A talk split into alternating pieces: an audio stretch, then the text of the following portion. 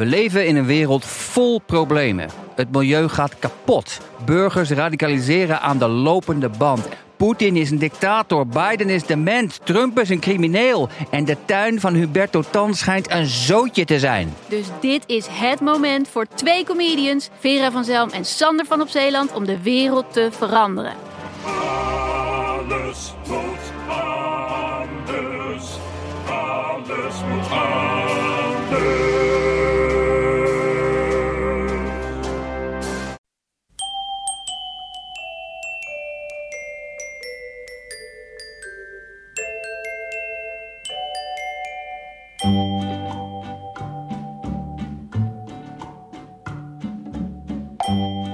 Welkom bij aflevering 236 van de Echt Gebeurd podcast.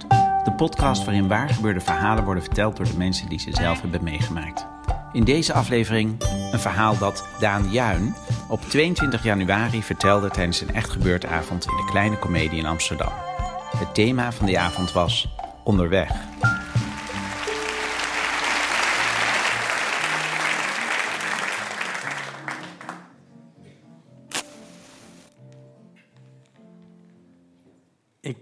Sta met mijn vader op een parkeerplaats in Spanje aan de voet van de Sierra Nevada. Uh, we zijn daar omdat mijn ouders heel graag nog één keer met het hele gezin op vakantie willen.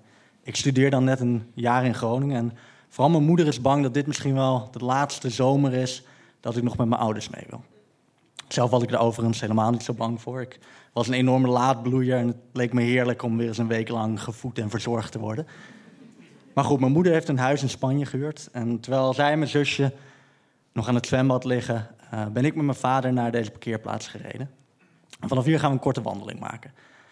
Ook mijn vader en ik hebben die morgen nog aan het zwembad gelegen. Dus we hebben allebei onze zwembroek aan, een t-shirt en een paar All-Stars. Uh, mijn vader is cameraman en door het sjouwen van die zware camera heeft hij een beetje een slechte knie. Normaal wandelt hij dus altijd met een knieband. Die is hij vandaag vergeten. We zijn dus niet heel goed voorbereid, maar we hebben wel een rugzakje bij ons. En in dat rugzakje zitten twee bananen, een pakje tukjes, een flesje water en mijn vaders telefoon. En uh, met die rugzak op mijn rug gaan we op pad. En, uh, het blijkt al gauw een hele mooie wandeling te zijn. Het gaat zo kriskras een dennenbos. De zon schijnt zo nu en dan door de takken heen. En in het begin van de wandeling komen we heel veel tegenliggers tegen. Stuk voor stuk zijn dat zwaar bepakte mensen. Die hebben dan van die degelijke afritsbroeken aan, stevige wandelschoenen, wandelstokken vaak, rugzakken rijkelijk gevuld met eten en drinken en warme kleding.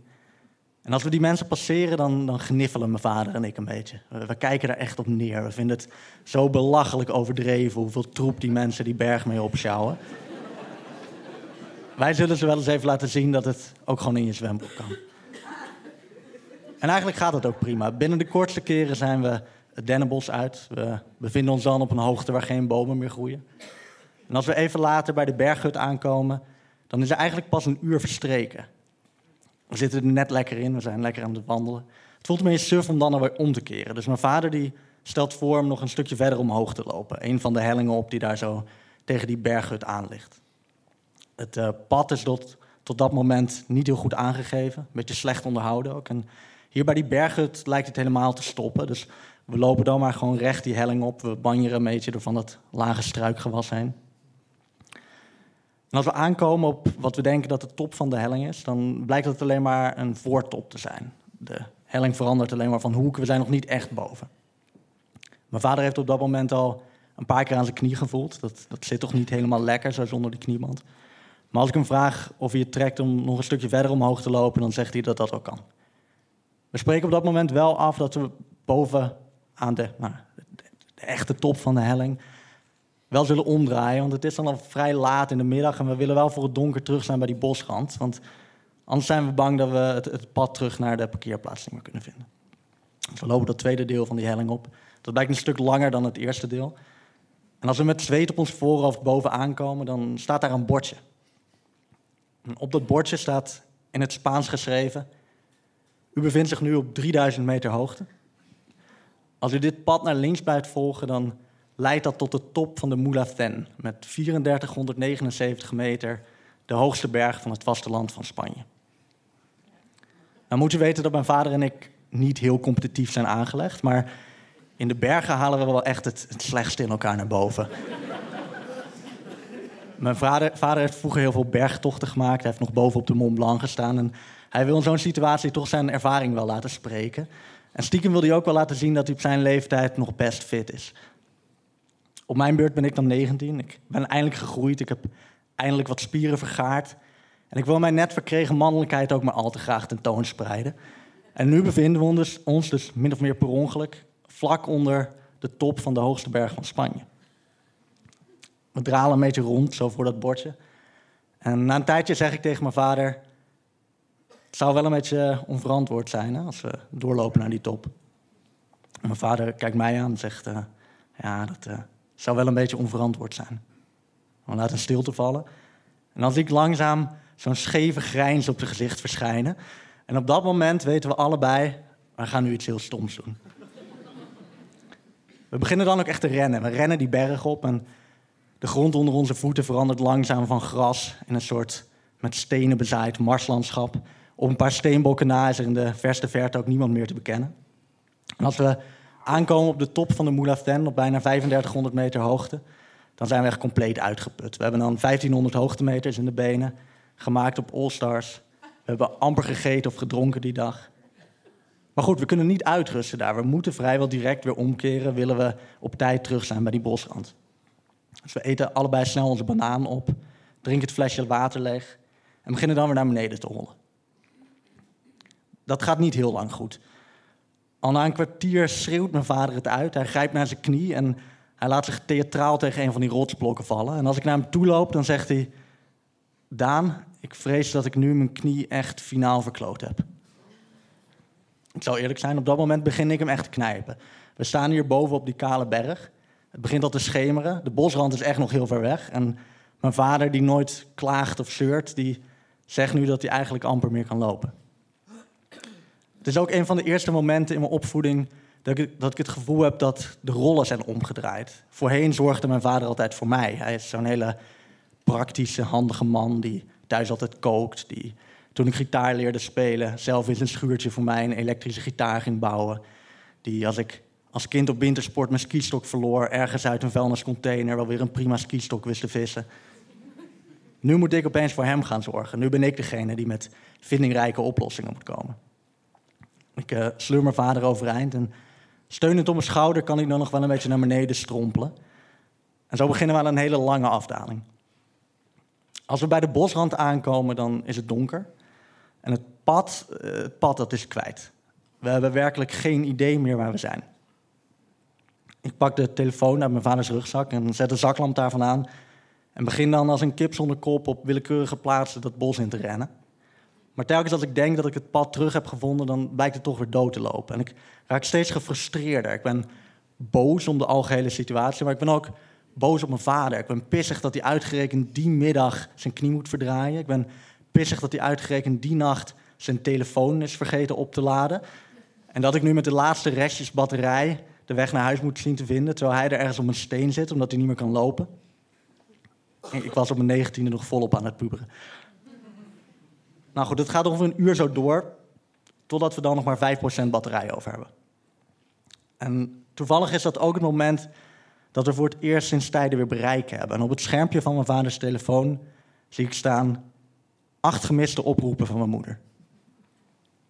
Ineens staan we dus voor een ingewikkelde keuze. Gaan we nou die laatste minuten van de telefoon gebruiken om verder te zoeken met de zaklamp?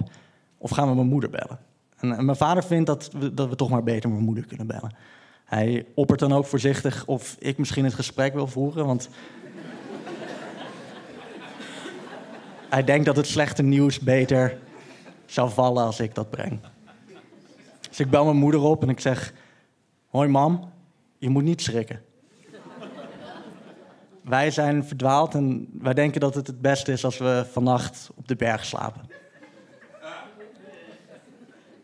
Ik zeg maar niks over mijn vaders knie. En als mijn moeder begint te sputteren, dan zeg ik dat ik nu toch echt moet ophangen en dat ik ze morgen bij het ontbijt alweer zie. Ik speel best wel cool aan de telefoon, maar stiekem ben ik natuurlijk hartstikke bang. Ik heb geen idee of we de volgende morgen echt dat pad zo snel gaan terugvinden. En ik maak me stiekem ook wel zorgen om hoe die nacht op de berg gaat zijn. Mijn vader die maakt zich daar wat minder druk om, maar die voelt zich vooral schuldig, geloof ik. Die vindt dat hij toch verantwoordelijk blijft en dat hij mij met al zijn bergervaring had moeten behoeden voor deze situatie. En hij stelt dan voor dat we maar ergens een plekje gaan uitzoeken waar we de nacht kunnen doorbrengen. We gaan liggen onder een dennenboom, ergens waar de grond een beetje plat is. En dat ik daar zo lig naast mijn vader, dan appt mijn moeder langzaam weg en maakt er toch plaats voor een gevoel van verbondenheid, saamhorigheid. Het idee dat we met z'n tweeën die nacht moeten gaan doorstaan. We hebben op dat moment geen water meer. We hebben alleen nog maar een pakje tukjes om te eten. Mijn vaders knie wordt met een minuut dikker. En de telefoon is bijna leeg. Het ziet er niet heel goed uit. Wat ook niet helpt is dat we al gauw dierengeluiden beginnen te horen. Zo in de verte klinkt een soort gehuil. En of dat nou van honden of van wolven afkomstig is, dat, weten we niet zo goed. Maar erg gerust zijn we er in ieder geval niet op. Toch is het ergste nog wel de kou. Je denkt Spanje in de zomer, lekker warm. Maar ook in Spanje in de zomer koelt het op 2500 meter flink af s'nachts. Echt wel tot een graad of acht. En wij liggen daar in onze zwembroek. Het is echt stervenskoud. Ik kruip tegen mijn vader aan en zo proberen we elkaar een beetje warm te houden. En terwijl we liggen te wachten tot de zon weer opkomt, wetende dat het de komende uren alleen nog maar kouder gaat worden, bekruipt mij het idee, ik moet wat doen. Ik moet iets doen om deze nacht wat draaglijker te maken. En ik sta op en ik loop naar de dennenboom naast die van ons en die pluk ik helemaal kaal. En dan, zoals ik ooit voor de tv heb geleerd van Bear Grylls, rijg ik een soort deken van dennentakken in elkaar. Ik neem dat geheel mee terug naar mijn vader, die daar nog onder de boom ligt. En ik drapeer dat zo over me heen. En dan ga ik er zelf ook onder liggen. En erg comfortabel is het niet. Die, die naalden die prikken natuurlijk als een neten. Maar het is daadwerkelijk een stuk warmer dan voorheen. En onder dat dekbed van dennennaalden met elk uur een tukje tegen de honger... weten we uiteindelijk de nacht uit te zitten. De volgende ochtend staan we vroeg op. En dan hebben we wel gauw meer geluk. Mijn vader die vindt een beekje. En het water dat we drinken uit dat beekje... Nou, water heeft nog nooit zo goed gesmaakt. Het doet mijn vader ook goed. Die voelt zich weer wat mobieler. En niet heel veel later blijkt dat het pad al die tijd echt maar een paar honderd meter naast onze slaapplaats het bos inloopt. Nou goed, opluchting alom natuurlijk. Met nog 2% batterij over sms ik mijn moeder dat alles goed is gekomen, dat we bijna thuis zijn. En dan beginnen we totaal geradbraakt dat pad naar die parkeerplaats af te lopen. We hebben die nacht niet geslapen. Alle spieren in mijn lichaam doen pijn. We hebben blaren op onze voeten. We zijn verbrand in onze nek. Mijn vaders knie is twee keer zo dik als normaal. Ik vis zo nu en dan nog een dennennaald uit mijn broek. We moeten eruit hebben gezien alsof we wel een week onder die bomen hebben gelegen. En dan als we bijna bij de parkeerplaats zijn, dan komen we weer tegenliggers tegen.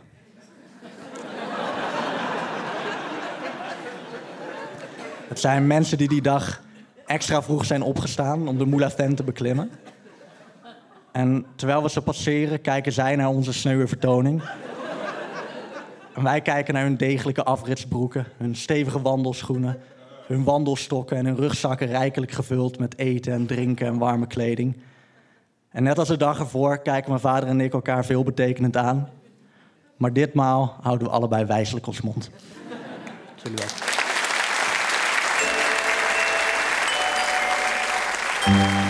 Je hoorde een verhaal van Daan Juin. Daan is net begonnen met zijn eerste baan bij het ministerie van Economische Zaken en Klimaat. Hij vertelde dit verhaal tijdens de theatertour waarmee wij in januari door het land trokken. Maar we gaan nu weer verder met onze gebruikelijke vertelmiddagen in Toemler. En daar zoeken we altijd vertellers voor. Sommige vertellers willen helemaal niet op de podcast. Wisten jullie dat? Dat betekent dus dat als je een goed verhaal hebt dat je een keer wil vertellen, maar wat je niet op de podcast wil, dat dat wat ons betreft helemaal niet uitmaakt. Lang niet alle verhalen die verteld worden bij Echt Gebeurd komen op de podcast. De redactie van Echt Gebeurd bestaat uit Paulien Cornelissen, Maarten Westerveen, Rosa van Toledo en mijzelf, Micha Wertheim. Productie Eva Zwaving, zaaltechniek Bram den Haan, podcast Gijsbert van der Wal. Dit was aflevering 236. Tot volgende week. En vergeet niet, mocht je ooit van plan zijn met bijna geen bagage een gruwelijk enge tocht te ondernemen waarin je gaat stranden midden in de bergen, vergeet dan niet een pakje tuk mee te nemen. Dat trekt je er doorheen.